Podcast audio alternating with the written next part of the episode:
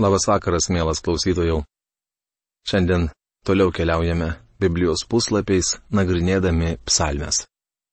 Šiandien mūsų apžvalgoje 22 psalmė. Tema - Kristaus nukryžiavimas. Aš nesijaučiu kompetitingas aiškinti daugelio Biblijos vietų. Ši psalmė yra viena iš jų.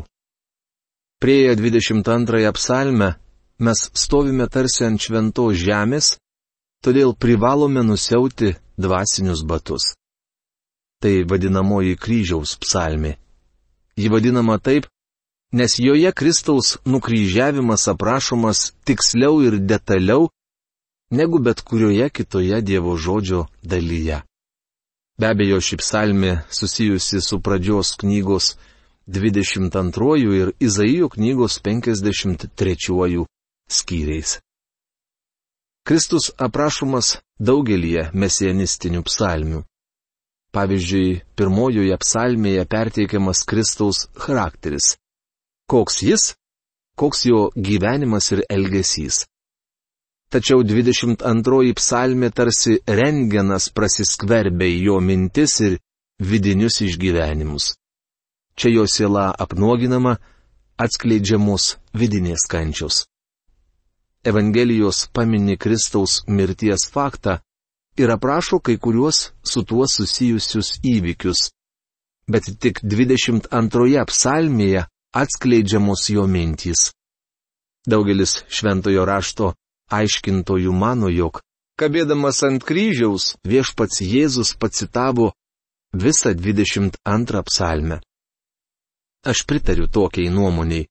Mat šioje psalmėje randame visas septynias paskutinėsias Jėzaus ištarmes ant kryžiaus, kurios užrašytos Evangelijose.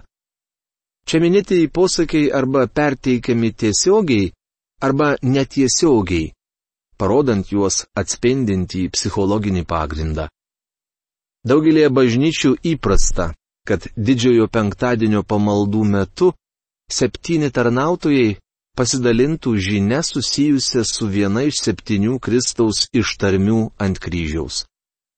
Per penkiolika metų man teko girdėti virš šimto žmonių pamokslaujant apie šiuos septynis posakius. Tikra dvasinė šventė klausytis, kaip kiekvienas iš septynių pamokslininkų plėtoja šią temą. Visuomet išgirstu daug naujų ir naudingų minčių. Visgi mes pamėginsime vienu metu apimti visas septynias ištarmes. Be to, užuot klausęs jo po kryžiumi, kabėsime ant kryžiaus kartu su juo. Pažvelgsime į Kristaus nukryžiavimą iš kitos padėties - nuo kryžiaus, ant kurio jis kabėjo. Galėsime kartu su juo pažvelgti į tuos, kurie tą baisę valandą stovėjo apačioje, Pamatysime, apie ką Kristus mąstė ir kas dėjosi jo širdyje. Sužinosime, ką kentė jo siela tuo metu, kai jis aukojosi už pasaulio nuodėmes. Kabėdamas tarp žemės ir dangaus, Kristus tapo kopiečiomis nuleistomis iš dangaus, kad žmonės galėtų ateiti pas Dievą. Iš tikrųjų ant to kryžiaus buvome mes, nes tas, kuris nepažino nuodėmės, dėl mūsų buvo pavirstas nuodėme, kad mes jame taptume Dievo teisumu, rašo apaštalas Paulius antrame laiške korintiečiams penktame skyriuje 21 eilutėje. Jo mirties valandą mes tikrai buvome ant to kryžiaus, lygiai kaip šiandien tikrai esame Kristuje tikėjimu. Petras šią mintį išreiškė taip. Jis pats savo kūnę užnešė mūsų nuodėmės ant kryžiaus, kad numirę nuodėmėms gyventume teisumui. Jūs esate pagydyti jo žaizdomis, rašoma pirmame Petro laiške, antrame skyriuje, 24 eilutėje. Pagydyti nuo nuodėmės. Mano Dieve, mano Dieve, kodėl mane palikai? 22 psalmė prasideda graudžiu vienišo Dievo apleisto žmogaus šauksmu. Mano Dieve, mano Dieve, kodėl mane palikai? Kodėl tu toks tolimas, toli nuo mano maldos, nuo mano dėjonės šauksmu? 22 psalmės antra eilutė. Kai kurie mėgino paneigti karčią, bet nenuginčiamą tiesą, kad Kristus buvo apleistas Dievo. Prieš save turiu straipsnį, kurį parašė vienas vietinis tarnautojas. Jis laikosi nuostatos, jog Jėzus nebuvo apleistas. Remdamasis pešita, siriškais rankraščiais, šis vyras teigia, kad žodžiai Eli, Eli, Lama Sebachtani reiškia Mano Dieve, mano Dieve, tam aš buvau laikomas. Tačiau pešitos rankraščiai nėra patikimi. Dėl to jų niekada nenaudoja geros reputacijos vertėjai. Matyt, pešitą parašė žmonės, kurie nuo pat pradžių pasidavė erezijai. Šie rankraščiai vertingi tik tuo, kad dažnai padeda geriau suprasti papročius, kurių tuo metu buvo laikomasi Palestinos krašte. Dėl to ir aš kartais jais pasinaudodavau, tačiau šis vertimas man nepriimtinas. Iš tikrųjų tiek hebrajiškame, tiek graikiškame, tiek aramėjiškame vertime labai aiškiai sakoma, kad Jėzus buvo apleistas Dievo. Noriu pabrėžti, kad čia aprašyti jo žmogiški kentėjimai. Mes matome jį ant kryžiaus kaip žmogų.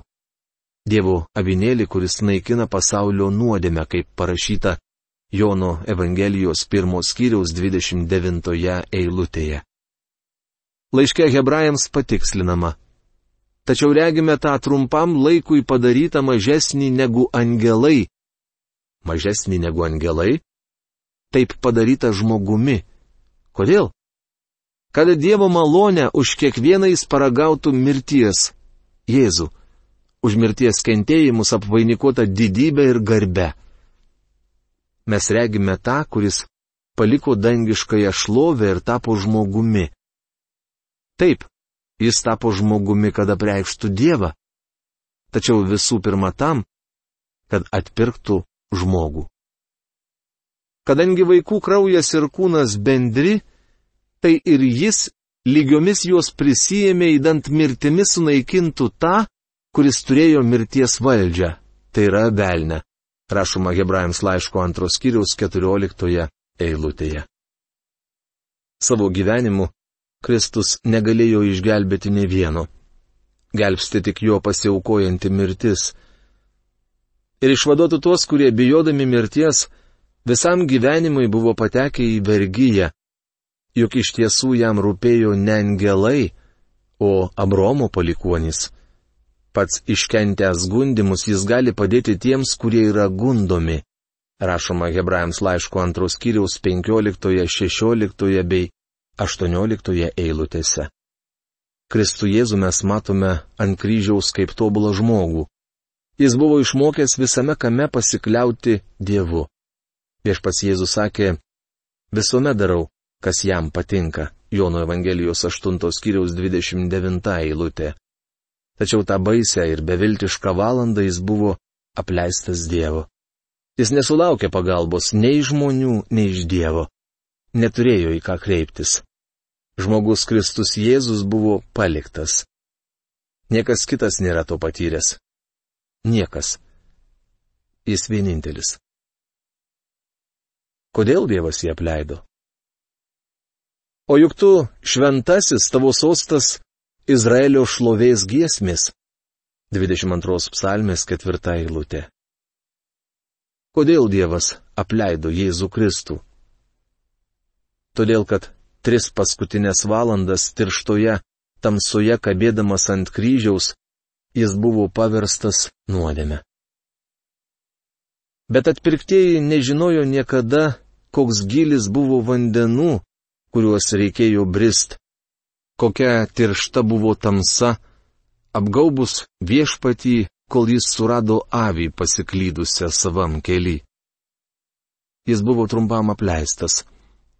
Paradoksalu, kad tuo pačiu metu Dievas Kristuje taikino su savimi pasaulį. Ir pats viešpats Jėzus kalbėjo, štai ateina valanda ir net yra atėjusi, kai jūs išsisklaidysite kas savo ir paliksite mane vieną, tačiau aš ne vienas nes su manimi yra tėvas. Rašoma Jono Evangelijos 16 skyriaus 32 eilutėje. Tėvas buvo su Jėzumi, kai jis sėdėjo kalėjime, buvo mušamas ir tuo met, kai jie kalė jį prie kryžiaus.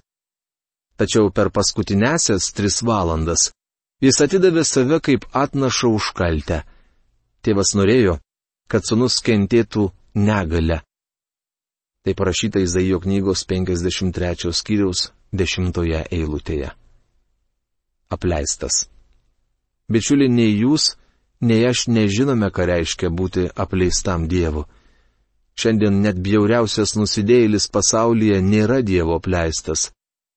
Bet kas gali atsigręžti į jį?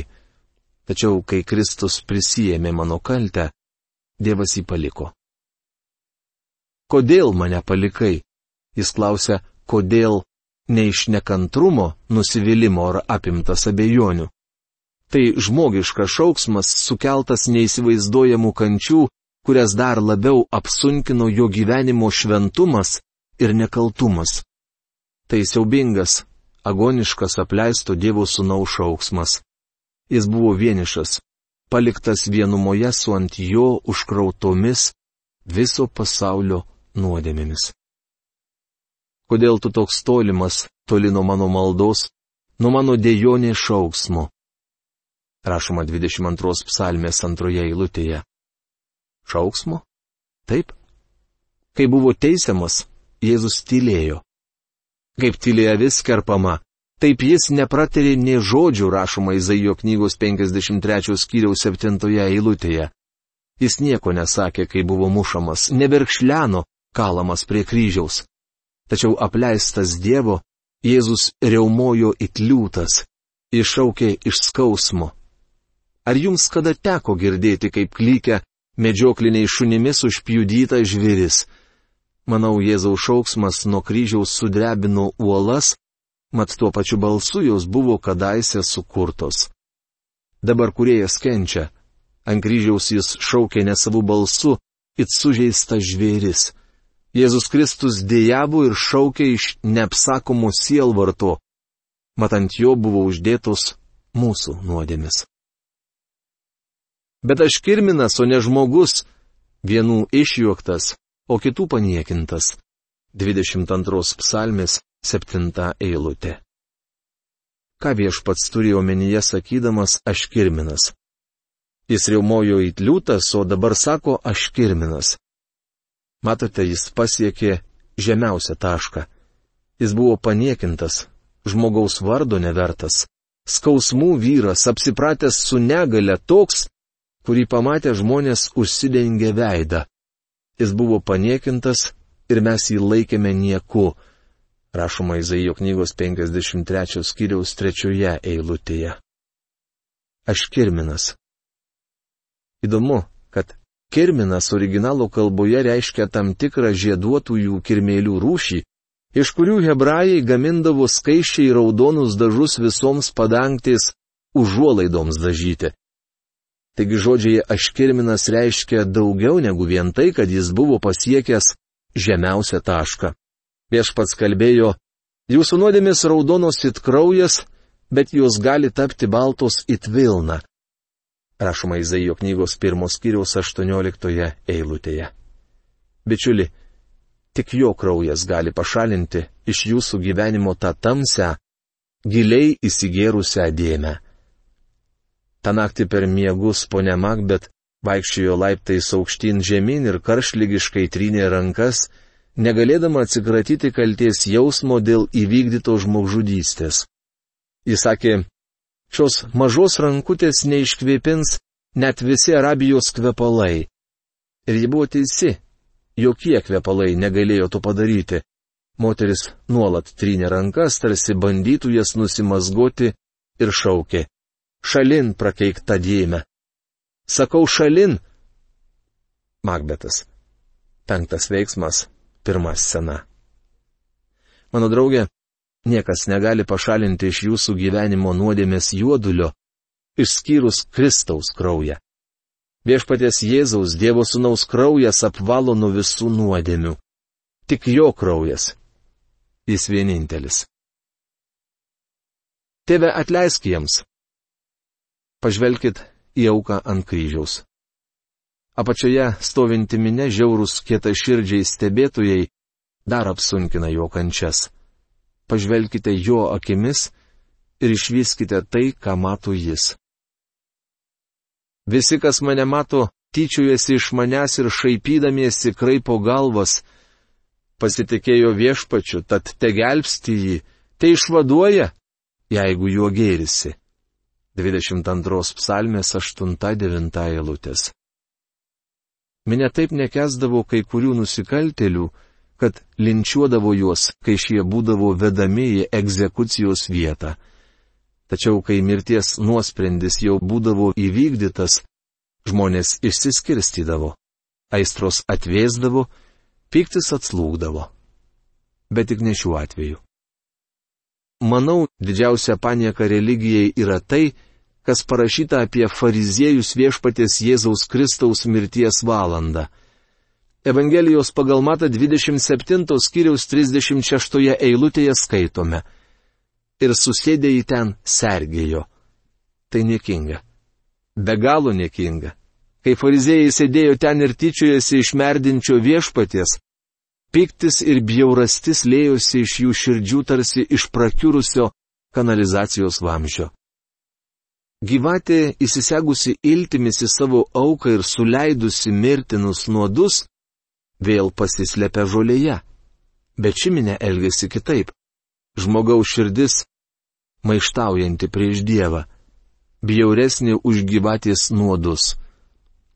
Jėzus meldėsi.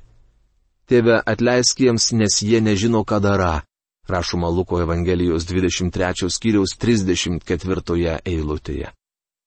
Jei Jėzus nebūtų to pasakęs, ši minė būtų padariusi net leistiną nuodėmę, tačiau jų nuodėmė atleistina, nes Kristus prašė tėvą ją atleisti.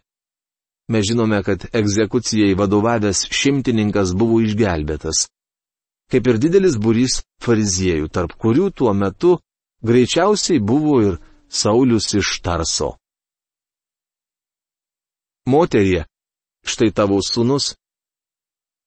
Žvelgdamas nuo kryžiaus į minę, Jėzus regi ne tik neapykantos kupinų žvilgsnius, bet ir mylinčias akis.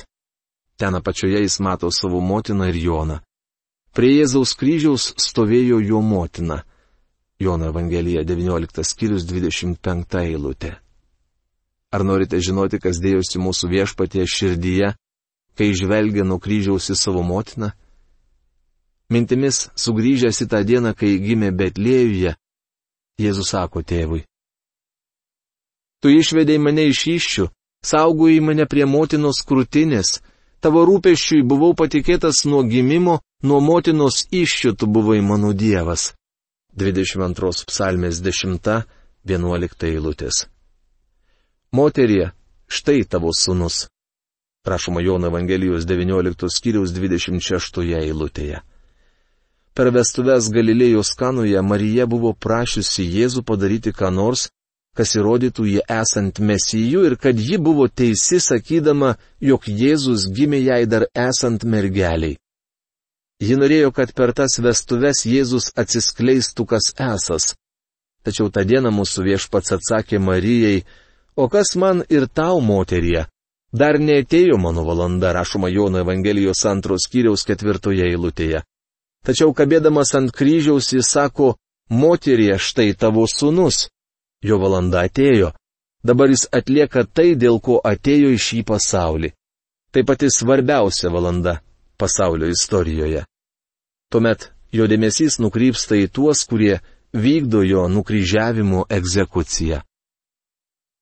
Mano priešai apstoja mane lyg jaučiai, stiprūs bašanų jaučiai apgula mane. 22 psalmės 13 eilutė. Apibūdindamas jį kryžiuojančius kareivius, Jėzus sako, kad jie panašus į bašanų jaučius. Tačiau tai dar ne viskas. Jis kenčia siaubingas kančias, tarsi draskomas laukinių žvėrių. Jie atveria plačiai mane savo žiomenis, lik plėšrūs ir reumojantys liūtai. 22 psalmės 14 eilutė. Čia mūsų viešpats kalba apie Romą. Romėnai nukryžiavo. Jėzus prilygina juos reumojančiam liūtui, mat liūtas simbolizavo Romą. Atkreipkite dėmesį jo būklę. Esu lyg ant žemės išlėtas vanduo, Visi mano kaulai išnarstyti, lyg vaškas mano širdis ištirpusi krūtinėje. 22 psalmės 15 eilutė. Šis nukryžiavimo aprašymas stulbinančiai tikslus turint omenyje, kad tuo metu, kai buvo parašyta ši psalmė, tokia mirties bausmės forma iš viso buvo nežinoma. Romos imperija tuomet dar neegzistavo, o būtent romėnai pradėjo taikyti nukryžiavimo bausmę. Esu lyg ant žemės išlėtas vanduo. Prakaitas žliaugte žliaugė nuo Jėzaus, jam merdint tokioje kaitroje. Visi mano kaulai išnarstyti. Nukryžiavimas buvo siaubingas dar ir tuo, kad kabančiam ant kryžiaus žmogui, netenkant vis daugiau kraujo, Jie apleisdavo jėgus ir visi kaulai išnirdavo iš sanarių. Tai baisi mirtis, kurią lydėdavo siaubingos, labai siaubingos kančios. Toliau girdime labai keistus jo žodžius. Lyg vaškas mano širdis. Jėzus mirė plyšus širdžiai. Daugelis gydytojų teigia, kad tai, ką skrupulingai užrašė Jonas, būdinga atvejui, kai žmogui plyšta širdis. Tik vienas kareivis jėtimi perdurė jam šoną ir to jau ištekėjo kraujo ir vandens, rašoma Jono Evangelijos 19 skyriaus 34 eilutėje. Leiskite perteikti šią eilutę savai žodžiais. Mačiau, kaip romėnų kareivis jėtimi perdurė jam šoną ir to jau ištekėjo kraujo ir vandens. Ne vien kraujo, bet kraujo ir vandens. Jonas pastebėjo tai ir užrašė mums. Tai reiškia, kad Jėzui plyšo širdis. Mielas klausytojų, ar girdint šios Evangelijos žodžius, jūsų širdis neplyšta iš skausmo? Dėl to, ką dėl mūsų padarė Jėzus? Jeigu jūs savo širdyje girdite tuos žodžius kaip kaltinimą, atsiverskite ir tikėkite viešpačiu Jėzumi. O šios dienos laidą mes baigiame. Iki malonaus susitikimo. Sudė.